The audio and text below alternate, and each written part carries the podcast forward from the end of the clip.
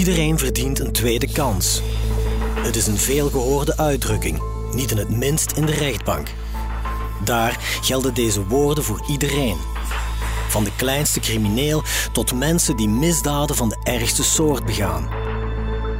Maar hoe wordt die tweede kans ingevuld?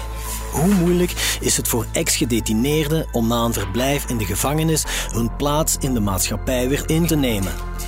Op welke manier blikken zij terug op hun misstap? En wat voelen ze bij het leed van hun slachtoffers? Maar vooral, hoe kijken ex-daders naar de toekomst?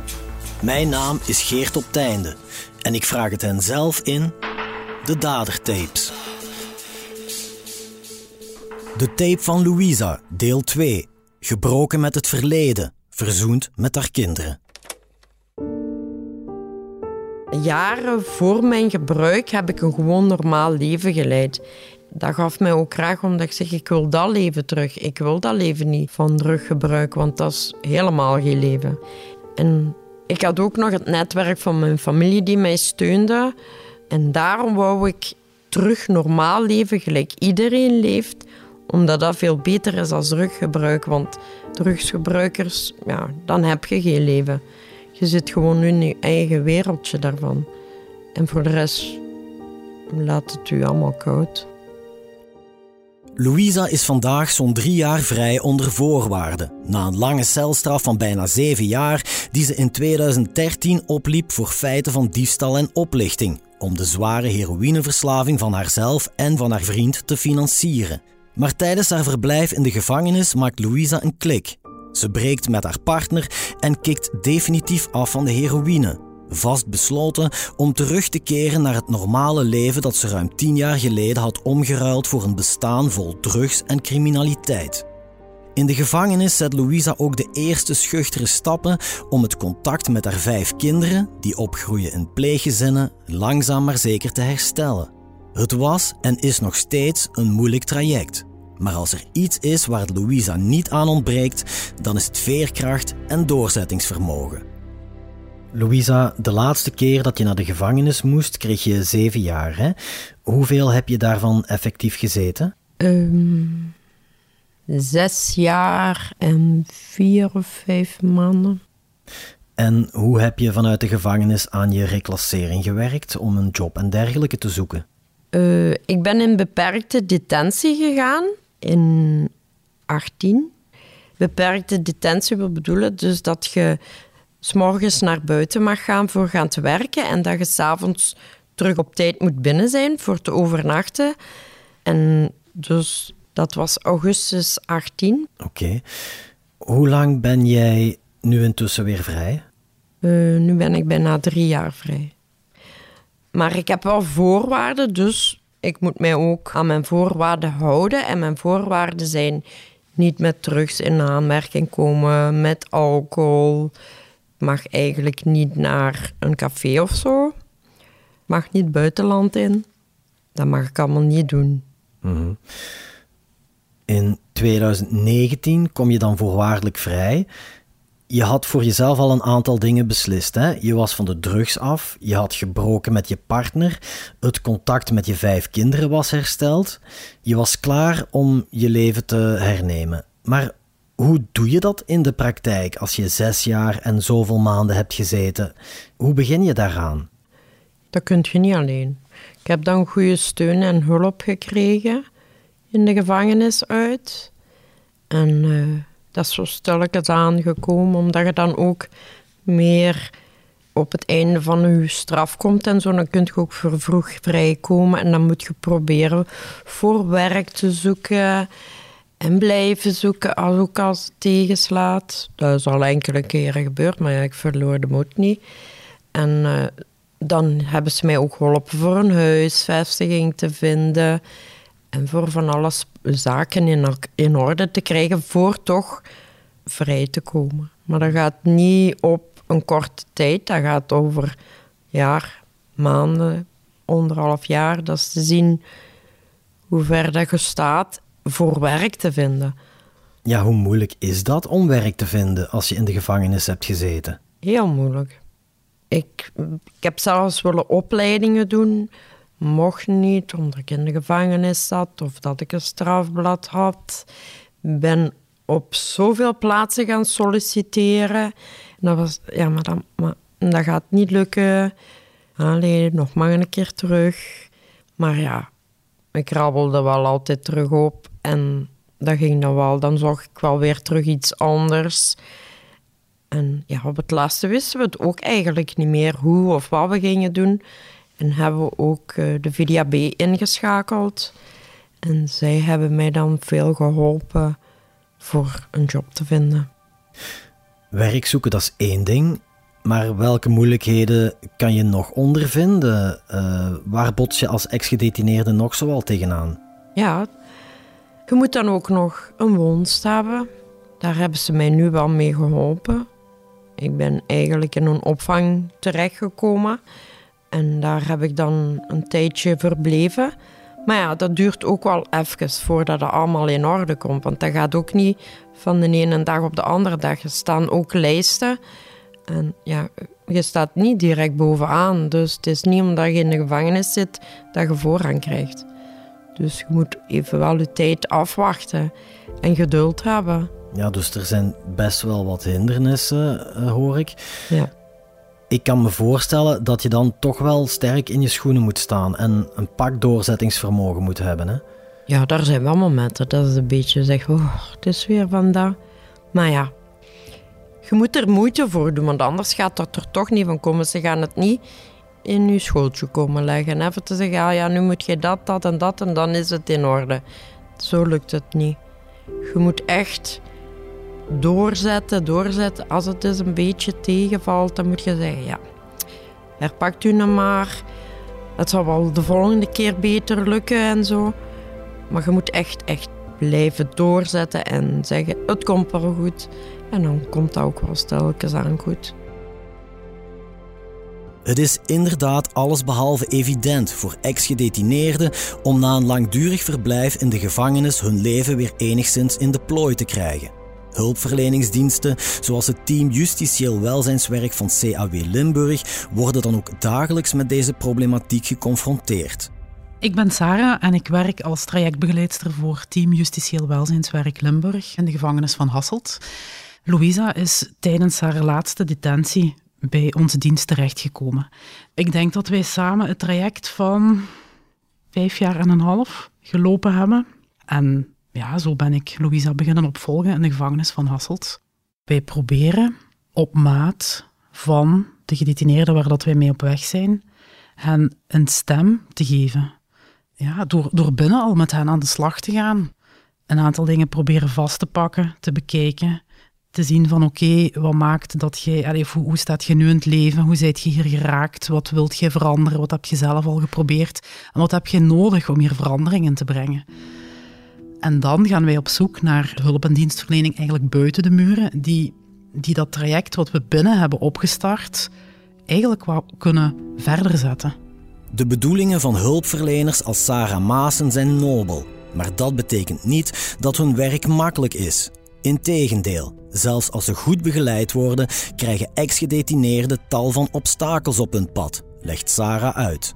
Ja, wij merken toch wel dat zowel op daders als op hun direct sociale omgeving, dus hun naasten, dat daar toch wel veel stigma bij komt kijken. Hè? Stigma, uh, schaamte, um, ook dat de familie bijvoorbeeld mee de schuld op zich draagt, hè? of dat ze meegebukt gaan onder die schuld.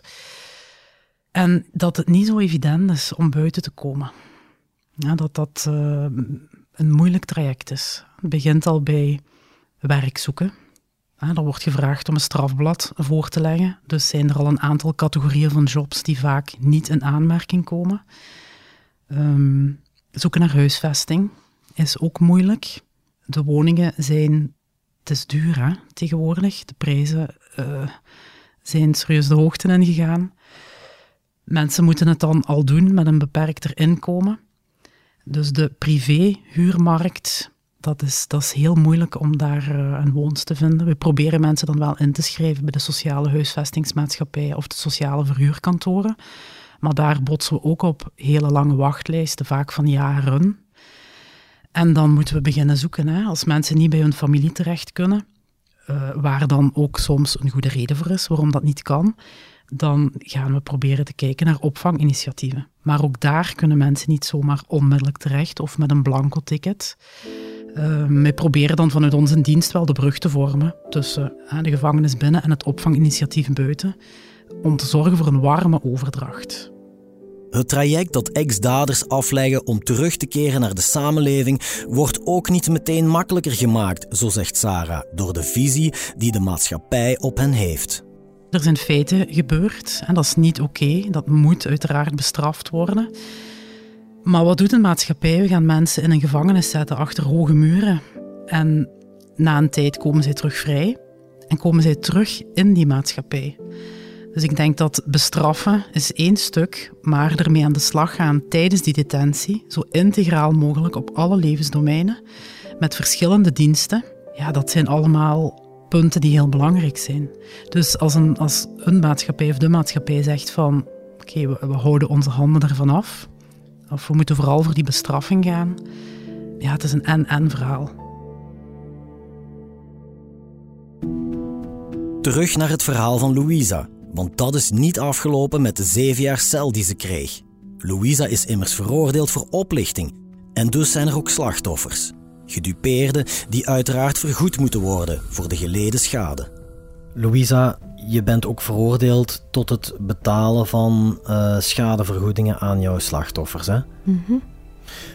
Welke regelingen zijn er zoal om die schulden te kunnen afbetalen?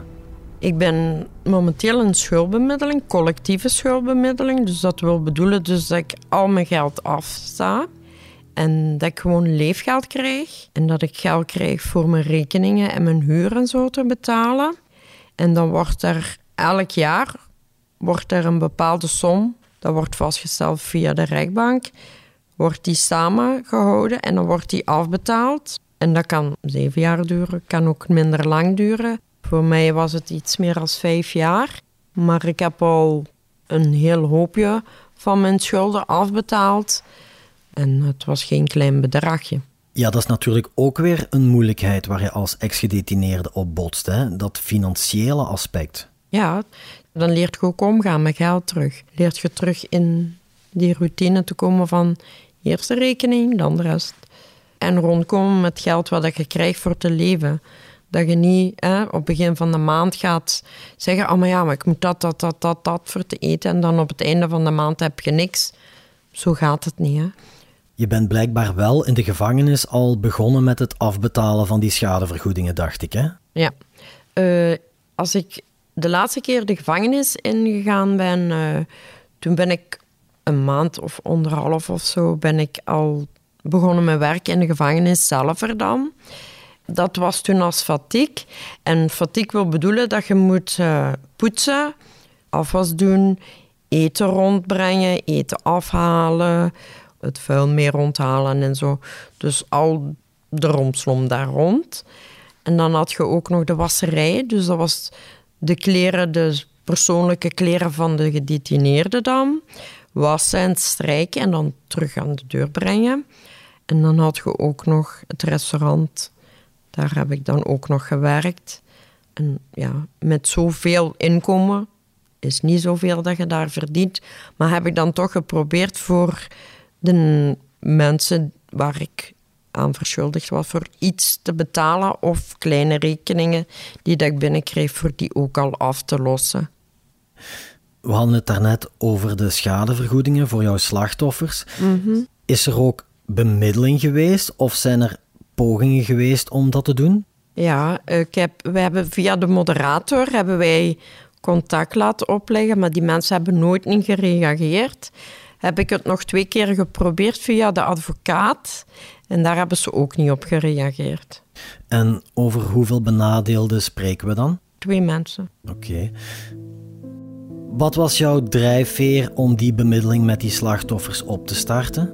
Omdat ik mij ook schuldig voel wat ik gedaan heb. Als je in die periode zit van rust, ja, dan laat je het maar allemaal varen. Dat, dat interesseert u toch niet. Maar als je dan nuchter bent, dan begint je wel na te denken. En begint je wel te zeggen, wat heb ik nu gedaan? Maar wat heb ik toch allemaal gedaan? Dat kan toch niet voor mogelijk zijn? Dan besef je dat pas en dan begint dat pas door te dringen. En hoe was jouw reactie dan toen je vernam dat die mensen eigenlijk niet op jouw vraag wilden ingaan? Ik vond dat raar. Hoe bedoel je? Ik heb die mensen toch hè, benadeeld. Het zei, maakt niet uit hoe dat geweest is of zo. Maar ik voelde me dan toch wel schuldig. Mhm. Als je hun iets zou kunnen zeggen via deze weg, wat zou dat dan zijn? Dat me spijt wat ik allemaal gedaan heb. En dat ik nu terug goed kan nadenken. En dat ik mij niet kan dingen zodat ik dat allemaal uitgespookt heb in mijn leven toen. Je kan je dat vandaag niet meer voorstellen, hè? Nee. Je was een ander persoon toen. Ja. Maar het is wel waar. En die klok die kan je niet meer terugdraaien, helaas. Nee. Toen was ik heel anders, had ik ook een heel andere mening over alles. Maar nu dat ik terug een normaal leven heb en daarover nadenk van wat ik allemaal gedaan heb of niet goed gedaan heb, dat ik dat niet kan begrijpen dat ik dat gedaan heb en dat ik daar wel oprecht spijt van heb dat ik die mensen in die situatie heb gebracht. Dat doet me wel oprecht pijn. Ik heb daar erg wel spijt van. Waar Louisa ook enorm veel spijt van heeft, is van het feit dat ze in de jaren van haar heroïneverslaving niet goed voor haar vijf kinderen heeft gezorgd. Die groeien op in pleeggezinnen, terwijl Louisa in en uit de gevangenis gaat. Haar jongste zoon, die nu negen is, was zelfs nog maar een baby toen zijn mama in 2013 tot zeven jaar effectieve celstraf werd veroordeeld. Lange tijd is er geen contact geweest. Niet met hem en niet met de oudere kinderen. Maar dat is vandaag gelukkig wel anders. Louisa, je hebt vandaag weer een heel goed contact met alle vijf je kinderen, hè? Ja. Kan je eens vertellen hoe dat opnieuw tot stand is gekomen? Ja, dus ik ben de gevangenis ingegaan en toen had ik geen contact meer bij de kinderen. Dan is het zo stilletjes aangewezen dat, dat we wouden proberen. Maar toen was ik nog met mijn ex, dus de papa van de kinderen. Maar dus dan heb ik het gedaan gemaakt. En toen is alles stilletjes aan in versnelling gekomen. Dus dat ik brieven mocht schrijven, kaarsjes mocht tekenen voor vakanties en zo. En dan kreeg ik ook foto's en zo van de kinderen. En dat heeft me ook geholpen voor door te zetten voor de kinderen. Dat gaf me veel moed voor terug een normaal leven te leiden eigenlijk. En nu heb ik terug contact met alle kinderen en zie ik ze ook allemaal terug. Dus kan niet beter. Hoe oud zijn jouw kinderen nu?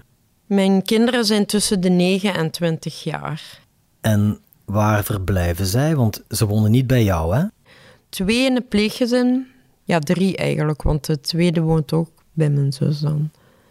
En dan eentje in het internaat. En de oudste die woont uh, met zijn vriendinnetje. Ja, jouw jongste zoon is nu negen jaar, dus hij was nog een baby toen jij voor de laatste keer naar de gevangenis moest. Hè? Hoe verloopt het contact met hem? We hebben wel contact en foto's en zo, maar zoveel keren heb ik hem nog niet gezien. Dus bij hem is het contact nog minder. Maar ik heb liever dat hij aanhaalt van ik wil contact met mama, ik wil zien met mama zien, tegen als ik ga dwingen en zeggen ik wil, dan gaat het toch verkeerd lopen na een tijdje. Dus ik heb het met al de kinderen zo gedaan. Als zij wil, wilden dat ze mij konden zien, dan deden wij de nodige zaken voordat ze mij konden zien. En als ze dan eens een tijdje geen goesting hadden voor mij te zien of zo, dan was het ook stil. En zo is mijn relatie met de kinderen terug heel goed geworden. Door het op hun tempo te doen. Louisa, dit is misschien een moeilijke vraag, maar zien jouw kinderen jou als hun mama of neigen zij meer naar hun pleegouders? Bij de jongste weet ik dat zo niet, omdat die zou meer naar de pleegouders, omdat hij heeft mij nog niet zo dikwijls gezien. Dus hij zegt wel mama Louisa, maar dan de tweede jongste, dat is mama van hier, mama van daar. En de pleegouders noemen ook mama en papa. Dus van tijd is dat verwarrend. dan zeggen we alle twee ja. Hoe voelt dat voor jou om mama Louisa te zijn en niet gewoon mama? Ik heb me daarbij neergelegd. Ik heb een foto begaan. Ik moet de gevolgen daarvan dragen, want de kinderen hebben daar niet om gevraagd. Dus moet ik me mag aanpassen aan hun. Ik vind het wel knap hoe jij hiermee omgaat, want ik kan me voorstellen dat het voor een ouder, hè, een moeder die zoiets moet doorstaan, een immense straf moet zijn om haar kinderen in een ander gezin te moeten zien opgroeien. Hm, dat is ook, maar ik heb de fouten begaan. De kinderen hebben niet gevraagd om daar te zijn, om zo te leven of voor dat allemaal moeten mee te maken. Want ja, zij maken ook eigenlijk een trauma mee, door mij. Dus ik moet die straf ondergaan voor hun. Is dat zo? Dat jouw kinderen, door wat er allemaal gebeurd is, bepaalde trauma's hebben opgelopen? Ik denk dat, ik weet dat niet juist. Hè. Ik praat wel van tijd met hun en zo, maar ze geven daar niet zoveel antwoord op. Ja. Ze zullen misschien ook niet daar graag met mij willen over praten. Maar ik heb altijd tegen hun gezegd, als er iets is, dat ze altijd bij mij terecht kunnen. Dat ik er zijn voor hun nu. Wat vertellen de kinderen tegen jou over hoe ze de situatie vroeger hebben ervaren? Ze waren nog eigenlijk jong. Ze hebben daar niet zoveel van meegekregen. Gelukkig eigenlijk. Dat ze dat niet allemaal moeten hebben meemaken van mij. Dat ik in, uit, in, uit. Dus maar ze weten wel dus wat ik misdaan heb en zo. Hoe kijken zij vandaag naar jou? Ze zijn fier op mij. Om, uh, ze hadden dan ook gevraagd, als ik vrij ben gekomen, de oudste kinderen dan van... Ja, mama, we hebben toch liever dat je geen contact meer hebt met papa. Want wij hebben echt bang dat je terug verkeerd gaat beginnen. We hebben liever dat je geen contact meer hebt. En toen heb ik gezegd, maar dat is goed voor mijn kinderen. Ik zeg, hier is mijn telefoon, blokkeert mag alles. En ik heb er ook geen contact meer mee. Wat vinden je kinderen ervan dat jij vandaag jouw verhaal hier wil vertellen? Ze vinden dat tof. En ik heb hun ook verteld dat het niet voor mij persoonlijk is. Dat ik het eigenlijk wil doen voor andere mensen te helpen. Op welke manier? Voor te laten zien aan de mensen: je kunt van ver komen, maar als je de wil en de moed hebt voor u te veranderen, dat het lukt. Niet van de ene dag op de andere, dat het met vallen en opstaan is, maar als je zelf er wilt, dat het wel lukt voor terug een normaal leven op te nemen.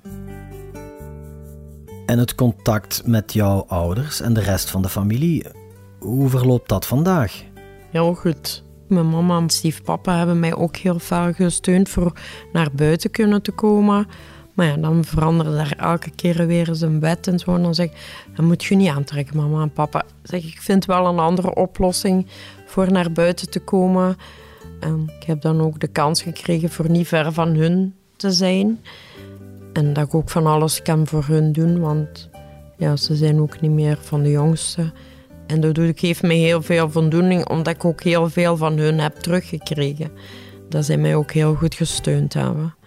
En mijn zussen en zo ook. En broer. Vandaag is Louisa drie jaar op vrije voeten. Al is ze wel nog gebonden aan enkele voorwaarden. Maar al bij al verloopt haar reïntegratie vrij vlot. Mede dankzij de hulp van het team Justitieel Welzijnswerk van het CAW en een toffe job die ze vond via de VDAB, proeft Louisa weer van geluk in het leven, zo zegt ze. Al is er misschien één dingetje dat nog ontbreekt. Louisa, hoe heb jij jouw leven de voorbije drie jaar vormgegeven? Ik had werk als ik vrij ben gekomen. Ik werk elke dag, gelijk een normaal mens eigenlijk. Van acht tot zes of zo. In de weekend ga ik ook nog poetsen met mijn ouders en zo. En ja, de rest van het weekend ben ik vrij. En dan is maandags begint de werk weer. weer. Dus veel vrije tijd heb ik niet. Maar hoe dat mijn leven nu is, kan er altijd beter. Hè? maar uh, ik vind het zo wel goed. Heb jij hulp gekregen om na jouw celstraf je leven weer enigszins op de rails te krijgen?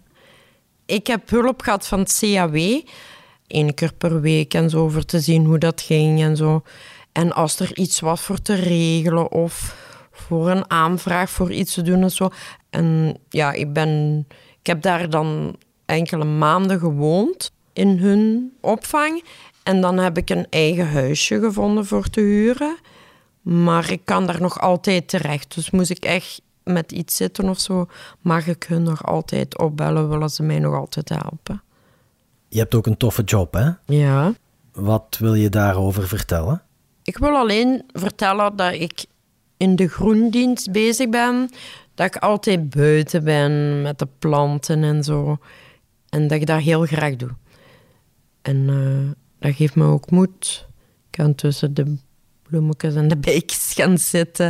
Ik doe mijn job graag. Dat is het voornaamste. Als je wilt werk vinden, zeker als je in detentie hebt gezeten, zoek iets wat je heel graag doet, dan kom je het verst. Want als je altijd moet veranderen van werk of zo, dan gaat het ook niet lukken. Dan gaat je terug naar beneden. Dan uh, kom je terug in de verkeerde situatie terecht. Hoe kijkt jouw werkgever naar jouw gevangenisverleden? Hij weet dat, wat mijn feiten zijn en zo. En zij hebben mij een kans gegeven. En daar ben ik hen ook dankbaar voor. En ondertussen heb ik ook vast contract en zo gekregen. Dus ik heb mij ook wel een beetje bewezen. en jouw collega's, zijn die op de hoogte van jouw situatie? Ja. En wat zeggen zij of andere mensen dan als ze te weten komen wat er vroeger allemaal is misgelopen? Ik heb daar geen slechte ervaring mee. Ja, ik ben altijd eerlijk en ik heb altijd gezegd: de mensen moeten dat weten. Ik lieg nooit niet graag. Dan voel ik mij ook niet goed in mijn vel. En ik zeg dat gewoon rechtuit tegen de mensen van dit en dit heb ik gedaan. En als het botst, botst het, botst het niet, is het veel beter. Maar ik heb er nog nooit geen slechte reacties bij gekregen. En zij zeggen dan, ja, je moet een tweede kans krijgen. Iedereen maakt wel eens een fout. En die krijg ik dan ook wel. Ik heb er geen slechte ervaringen mee. Je woont alleen op dit moment, hè? Ja. Hoe voel je je daarbij? Ik voel me daar goed mee. Ik wil alles op het gemakske doen. Niet overhaast, want als een spoed is zelden goed, zeggen ze altijd. Dus laat het allemaal maar stilletjes aankomen en dan komt het wel goed. Mm Je bent vandaag zonder enige twijfel zeer goed bezig, hè, dat blijkt. Maar ben je soms bang dat het ooit toch weer op een of andere manier zou kunnen mislopen? Nee. Ik heb zoveel steun van mijn familie en van mijn zussen en zo. Dus moest er echt eens iets zijn met mij, dat kan altijd, hè. ik zeg nooit nooit, dat er eens iets is dat mij echt een tegenslag geeft of zo, dan weet ik dat ik altijd bij mijn familie terecht kan. En die helpen mij dan wel. Ik heb ook nog ondersteuning van buitenuit, dus ik kan bij heel veel mensen terecht. En moet er echt eens iets verkeerd lopen, je kunt nog niet weten wat er kan verkeerd lopen. Al is het maar een tegenslag dat ze je toch ontslaan of zo. Dan zit je terug in een dip en dan moet je proberen voor zo snel mogelijk daar terug uit te komen. Want anders gaat het helemaal bergaf. Je moet echt mensen hebben rond je heen voor u te steunen. Mogen we stellen dat jij vandaag opnieuw een gelukkig mens bent? Ja, ik ben heel gelukkig. Wat helpt jou om gelukkig te zijn? Ah, mijn kinderen, de familie rond me heen, ook mijn werk, dat ik heel graag doe. Dus meer moet dat niet zijn. Eigenlijk heb je je leven dus weer eh, behoorlijk op een rijtje gekregen, hè? Ja, goed gedaan, denk ik dan. dat doe ik dikwijls. Dat ik met mezelf een schouderklopje geef. Dat heeft Sarah mij geleerd, hè. Je moet je eigen eens een schouderklopje geven, zei ze dan altijd bijna. Ik zeg, ja, daar zal ik aan denken. En daar denk ik nog dikwijls aan, hoor. Oké. Als je toch iets zou kunnen veranderen of verbeteren in je leven, wat zou dat dan zijn? Een vriend of zo. Een liefje. het is altijd, ja, eenzaam, hè. Maar komt wel in orde. Als dat moet komen, komt dat wel. Heb je wel eens last van die eenzaamheid, ja? Ja, je zit alleen thuis. Hè. Ik heb de kat wel rond mij. Maar als ik dan eens niet goesting heb voor iets te doen of zo, dan ga ik wel wandelen of ik ga naar mijn ouders of zo, of mijn zus of zo. Gaan we de stad in voor mijn zinnen te verzetten. En dan komt dat wel weer goed, hè. Mm Tot slot, Louisa, hoe kijk jij naar de toekomst? Heb je specifieke plannen of doelen die je nog wil realiseren? Nee, momenteel niet. Ik wil eerst van de rechtbank en zo af zijn. Schulden. Dus dat ik terug, dan terug echt een heel normaal leven heb. Ook controle over je eigen geld en zo.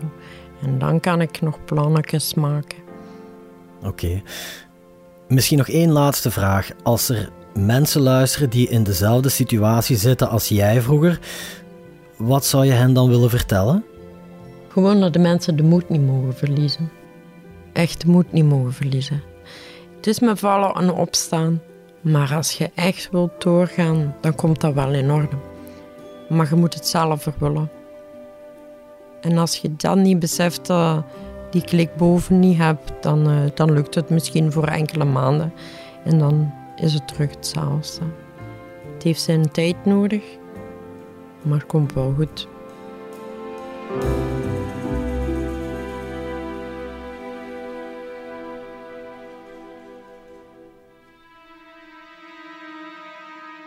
De Dadertapes is een podcastreeks van het Belang van Limburg, gemaakt door Geert op Teinde. De montage en audioproductie worden gesuperviseerd door Len Melot. Cato Poelmans coördineert, samen met chef podcast Geert Nies. Bedankt voor het luisteren. En hebt u een vraag of wilt u reageren? Stuur dan een mailtje naar podcast.hetbelangvanlimburg.be.